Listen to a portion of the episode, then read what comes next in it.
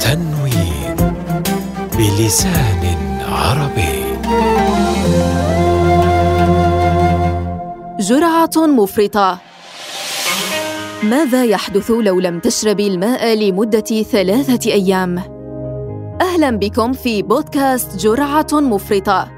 البودكاست الذي نطرح عليكم من خلاله أسئلة غريبة ومرحة وصعبة. ثم نرسم لكم طريقا إلى أفضل الإجابات التي يمكننا جمعها على منصة تنوين. لا يكاد يخفى على أحد قدرة الجسد على الانقطاع عن الطعام بل قد يكون هذا ممكنا لعدة أيام فلنقل حتى لعشرات الأيام. لكن بشرط أن تستمر بشرب الماء لأن الحد الأقصى لبقاء أجسادنا على قيد الحياة بدون الماء هي ثلاثة أيام. كيف لا؟ والماء يعتبر أحد المكونات الرئيسية لجسم الإنسان إذ يمثل حوالي 60% لذلك فهو أكثر أهمية لجسمنا من الطعام. لكن ولأن أسئلتنا لا تنتهي ولا يجب لها أن تنتهي فإننا نسأل اليوم ماذا سيحدث لو انقطعت عن شرب الماء؟ ويكون الجواب اختصارا هو أنك ستموت موتا بطيئا ومؤلما. أما الجواب المطول فيتطلب منا القيام بتجربة كعادتنا في هذا البودكاست. ولهذا السبب سنحرم شخصا ما من أي شكل من أشكال الترطيب. ماء عصير شاي أو قهوة. لمدة 72 ساعة.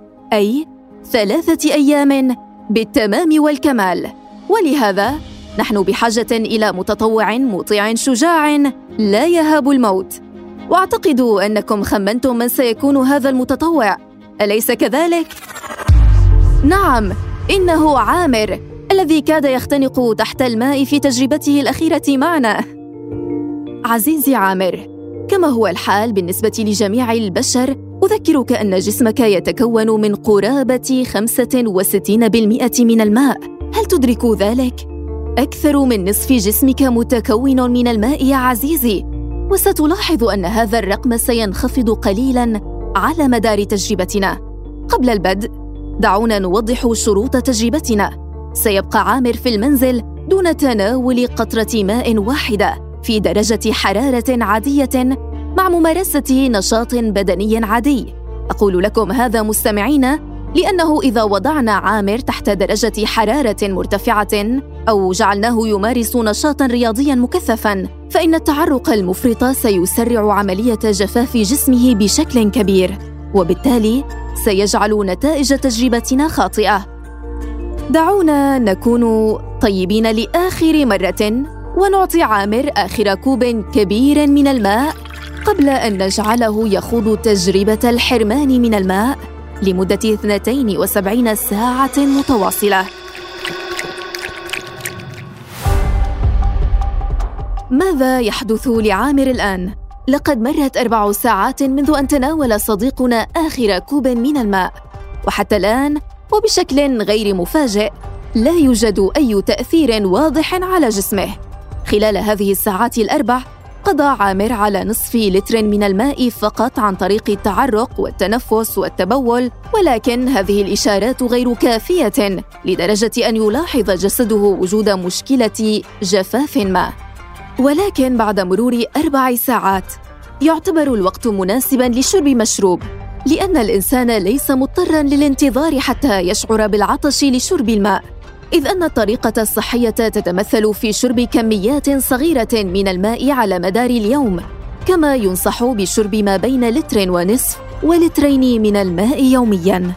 ومن المهم التوضيح أن جسمنا يحتاج إلى لترين من الماء يوميا دون الحاجة بالضرورة لشربه ماء لأننا نحسب أيضا الماء الذي نستهلكه في نظامنا الغذائي مصدرا مهما للماء خاصة ذلك الموجود في بعض الفواكه والخضروات.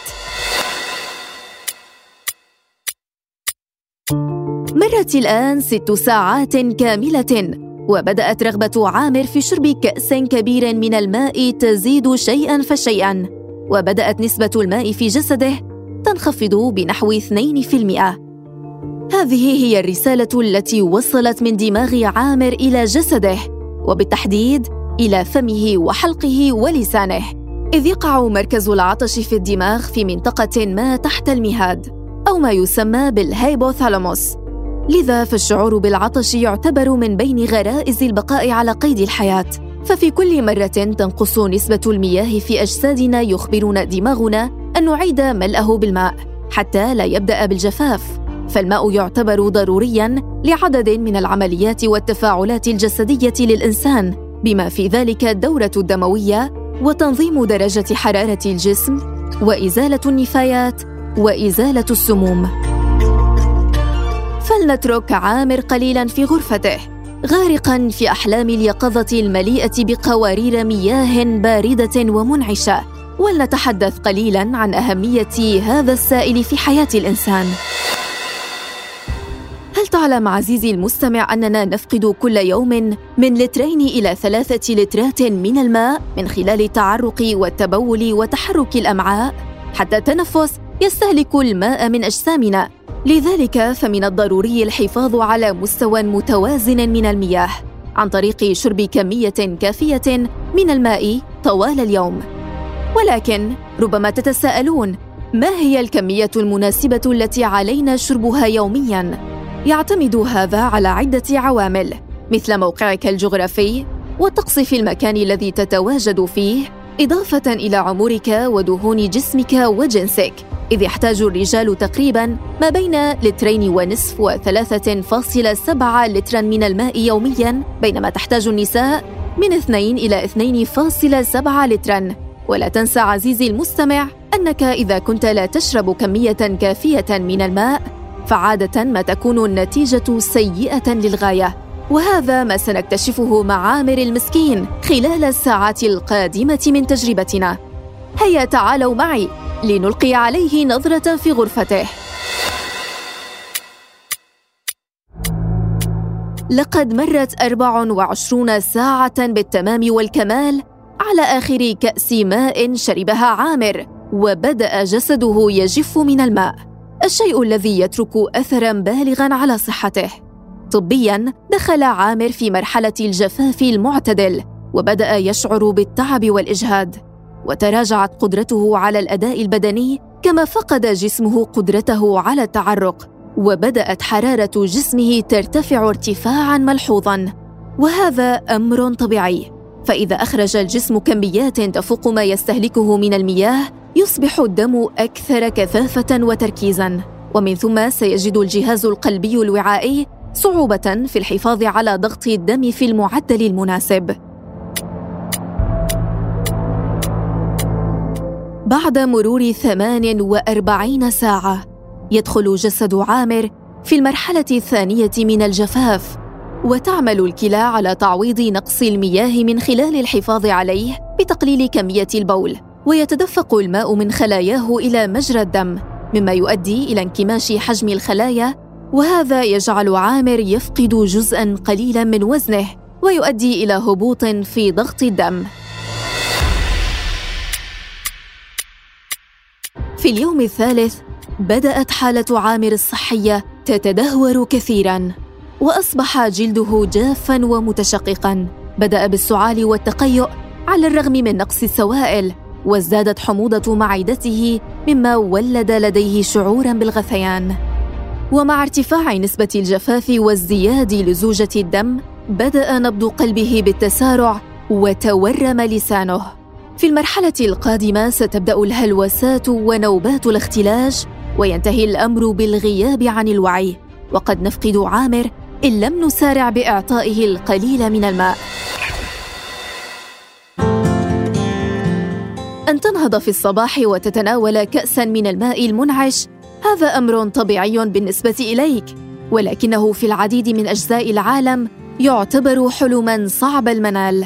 ففي آخر إحصاء تم تعداد ما يقارب مليارين ومائة مليون شخص ممن لا يحصلون على مياه صالحة للشرب ويستمر هذا العدد بالازدياد يوما بعد يوم. وفقا لتقرير صادر عن منظمة الصحة العالمية التي لا تنفك تؤكد أن الطلب على مياه الشرب أصبح ملحا أكثر من أي وقت مضى. لا يجب أن ننسى أنه ومع التطور الصناعي والتكنولوجي أصبحت المياه المتوفرة ملوثة لدرجة أن أولئك الذين يعيشون في مناطق قريبة منها معرضون باستمرار لخطر الإصابة بأمراض مثل الكوليرا والتيفوئيد وشلل الأطفال. على سبيل المثال لا الحصر. وتقدر الأمم المتحدة أيضا أن نصف مليون شخص يموتون على مستوى العالم نتيجة لتلوث الأغذية إذ أن ما يقرب من واحد من كل عشرة أشخاص يمرض كل عام بسبب تناول طعام ملوث سببه المياه الملوثة. كانت هذه آخر حلقة قدمناها لكم في هذا الموسم من بودكاست جرعة مفرطة لا تنسوا زيارة صفحتنا على فيسبوك والتي تجدونها تحت عنوان تنوين بودكاست كما يمكنكم متابعة أحدث حلقاتنا في Apple Podcast، Google Podcast، SoundCloud و Spotify. thank you